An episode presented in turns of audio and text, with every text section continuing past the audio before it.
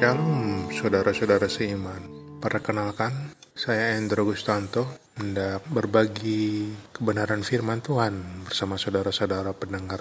Di sini kami berdua dengan saudara kami, Bang Beben Tobing. Silakan Bang Beben. Terima kasih kepada pada pendengar awal daripada kami, saya Beben Tobing.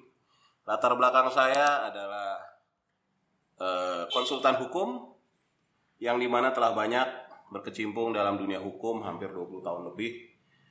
Pernah bekerja dalam eh, kantor hukum di mana banyak sekali menemukan hal-hal yang ganjil dalam dunia hukum seperti saudara-saudari ketahui banyak sekali hal-hal yang ini Bang Endro yang apa yang sangat menyimpang daripada yang sebenarnya. Nah dari situlah saya memiliki sebuah kerinduan bahwasannya bersama Bang Endro Gustanto ini saya ingin supaya dunia orang Kristen juga tidak banyak penyimpangan. Kalau dibilang sekarang Bang Endro banyak menyimpang nggak dunia orang Kristen? Wah sangat, sangat banyak menyimpang. Menyimpang dari yang siapa nih? Yesus Kristus gitu. Makanya saya mudah-mudahan bersama dengan Bang Endro Gustanto di sini dan tim yang mendukung podcast ini dan juga nanti para pendengar dapat sama-sama mendengarkan, berbagi dan semoga ini bermanfaat agar kita tidak lagi banyak menyimpang dari yang seharusnya. Begitu ya Bang. Ya, Karena kita kan sebetulnya sebagai anak-anak Tuhan mempunyai keyakinan kepada Bapa kita. Tapi dalam keseharian kita, di mana kita bekerja, di mana kita berkarya, di mana kita berkuliah, mungkin bersekolah, kita selalu dihadapkan pada suatu pilihan. betul. Kadang-kadang, kadang-kadang pilihan itu ringan, terlihat ringan, tapi di balik keringanan itu ada suatu keputusan yang mengharuskan kita memilih. Masih tetap setia dengan firmannya atau melakukan firmannya dengan sungguh-sungguh dengan serius atau kita berkompromi dengan dunia. Berkompromi dengan keduniawian kita dalam garis miring mungkin keegoan kita, keinginan kita, kehendak kita Ya, yang berlawanan dengan kehendaknya. betul. Kecenderungan daripada kita, kita semuanya ingin serba instan. Serba instan di mana kita ingin berdoa kepada Bapa, kepada Tuhan, mengharapkan solusi itu cepat datang, menyelesaikan apa yang kita hadapi, masalah, pergumulan, persoalan hidup yang masing-masing kita tentunya pernah mengalami. Dan karena tidak ada solusi yang baik, kita melarikan diri dalam doa dan memaksa Tuhan untuk mendengarkan, mengikuti apa yang kita ingini agar masalah itu secepat kilat, secara instan selesai. Nah, itu Bang Endro. Jadi, ya Bang Endro juga punya pengalaman dalam hal bisnis, seperti halnya hukum juga. Kalau hukum kan banyak dalam hal persidangan, ya tidak sesuai dengan ilmu norma hukumnya, kaidah hukumnya. Jadi sama dengan panggilan iman. Panggilan iman atau agama, apabila kita yakini dengan iman, maka itu akan menjadi menghasilkan orang-orang yang bijaksana. Tapi bang, kalau kita menghasilkan orang-orang dalam beragama tidak beriman, maka hanya menghasilkan sebuah teori beragama. Hanya sebuah melahirkan sebuah monoton. Kita datang ke gereja, kita berkebaktian, kita pulang, kita menjalankannya sesuai dengan SOP kalau kata di ketentaraan atau kepolisian. Kita bagaikan upacara bendera, begitu udah selesai kita upacara bendera, selesai lipat benderanya, pulang, selesai lah seremonialnya. Di dalam agama Kristen, makanya kita berusaha bikin podcast gini bagi saudara-saudari sekalian. Kita bukanlah seremonial, karena terus terang, ya Bapak itu nggak butuh dijilat Bang Endro. Bapak itu butuh di kita itu sebagai anak yang benar-benar mengabdi dan berbakti. Begitu. Nah sekarang banyak yang sudah menyimpang, menyimpangnya di mana nih? Makanya perkenalan kita di podcast ini adalah agar penyimpangan tersebut dapat kita bedah satu persatu. Lalu kita juga menyesuaikan dengan Alkitab. Hidup adalah Alkitabiah, tapi dengan hidup Alkitabiah kita juga tidak kaku.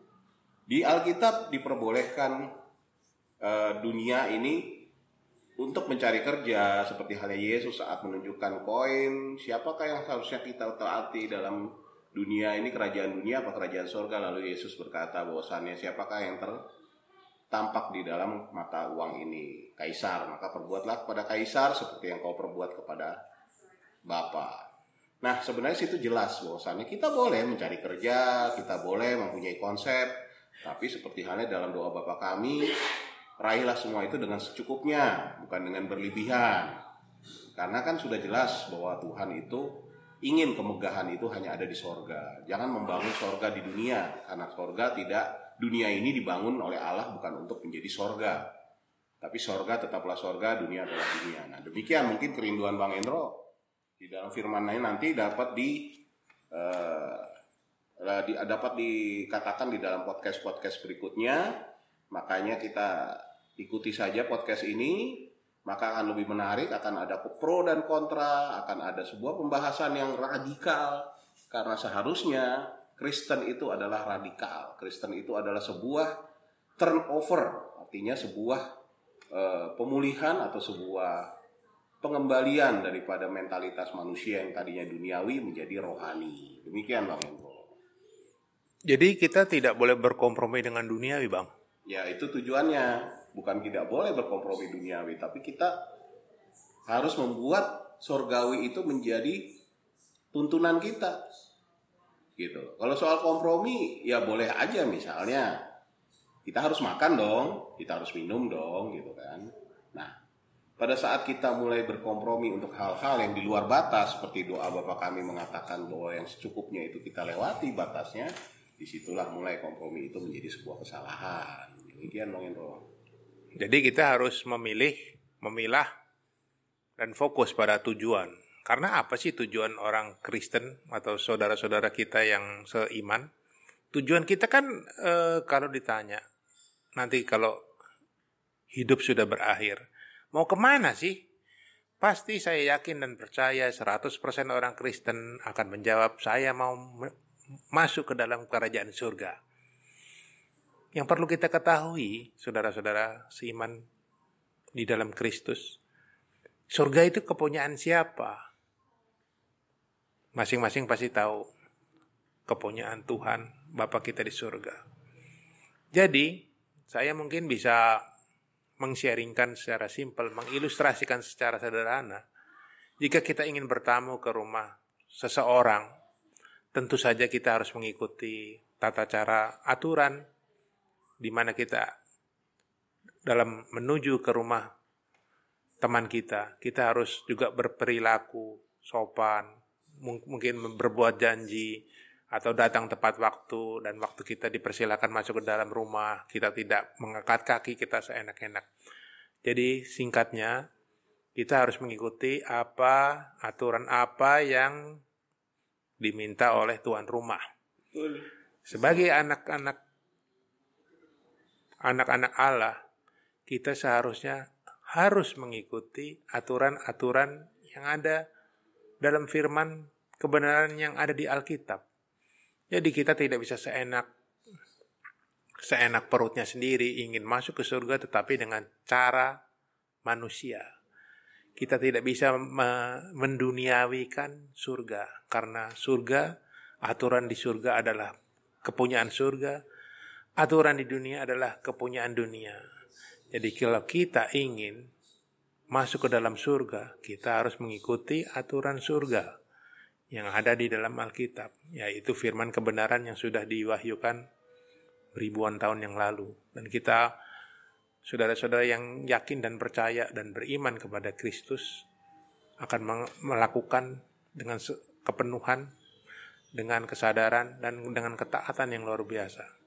Jadi menurut saya, kita tidak boleh berkompromi dengan keduniawian, tapi kembali lagi kepada masing-masing pendengar podcast ini.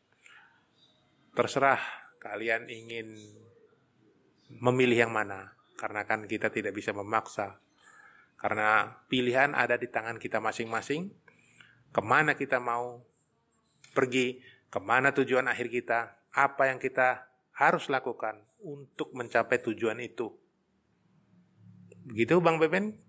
Iya, sebenarnya memang eh, banyak hal yang tidak boleh dikompromikan di dunia ini. Makanya saya bilang tadi, dalam iman Kristen, harus bisa memilah juga mana yang perlu dikompromikan mana yang tidak jadi yang saya sebenarnya tidak suka itu mulai banyak sebuah dalam saya tidak menyebut denominasi ya tapi di sini banyak sebuah yang bilang bahwa saya ini Kristennya Kristen oh, ortodoks, saya ini Kristennya Kristen Calvin, saya ini Kristennya Kristen Martin Luther, saya ini Kristen.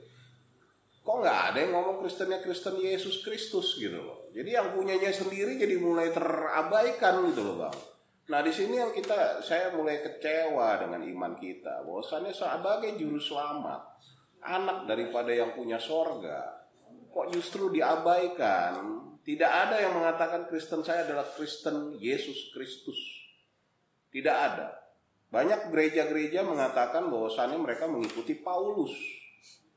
Lah Paulus itu siapa gitu loh. Paulus itu nabi, rasul, betul rasul. Tapi kan yang mempunyai kunci surga itu Yesus Kristus. Tidak ada yang dapat masuk ke dalam rumah Bapa tanpa melalui aku. Jadi walaupun kita melalui Simon Petrus, Yohanes, Markus, Matius, Lukas sampai Paulus, kita begitu radikal dengan Paulus. Wah saya tuh kayak Paulus, saya tuh kayak Maria Magdalena. Tapi kalau kita nggak saya itu nggak persis seperti Yesus Kristus, selesai. Kita hanya ada boro-boro dapat serambi sorga bang, kita dapat ininya tangganya juga bagus gitu loh. Karena kita tidak kita tidak e, melalui yang punya kunci sorga yaitu apa Yesus Kristus asang juru selamat bukan rasul-rasul yang disalib bukan rasul-rasul yang menurut rencana Bapa yang mereka hanya melanjutkan apa yang Yesus telah e, rintis atau apa yang Yesus telah perkenalkan kepada mereka sama seperti Yohanes Pembaptis. Yohanes Pembaptis hanya membuka, rasul-rasul meneruskan. Demikian juga Paulus. Kita merespek mereka, tapi jangan jadinya seakan-akan para denominasi gereja-gereja ini seakan-akan jadi kayak mengkultuskan orangnya, mengkultuskan para rasul-rasulnya. Tidak, kita tetap harus mengkultuskan Yesus Kristus sebagai anak daripada sang juru apa sang yang pemilik sorga.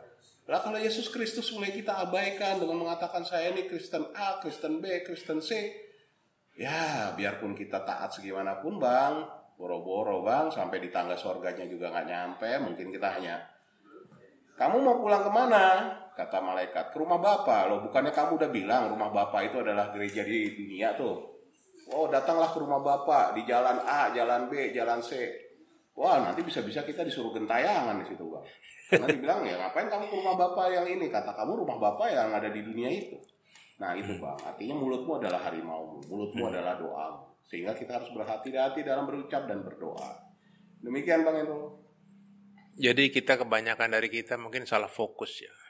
Kita salah fokus dan salah apa? memposisikan peran Tuhan Yesus atau Bapa di surga yeah. yang menjadi prioritas dalam kehidupan kita. Betul. Dia yang mempunyai napas kehidupan kita.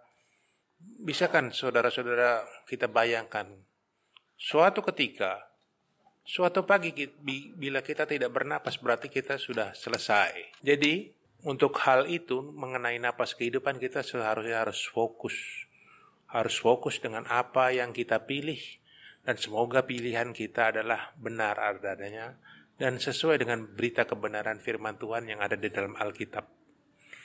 Demikian saudara-saudara yang seiman dalam Yesus Kristus. Nantikan obrolan kami berdua di podcast berikutnya. Terima kasih. Tuhan memberkati. Amin.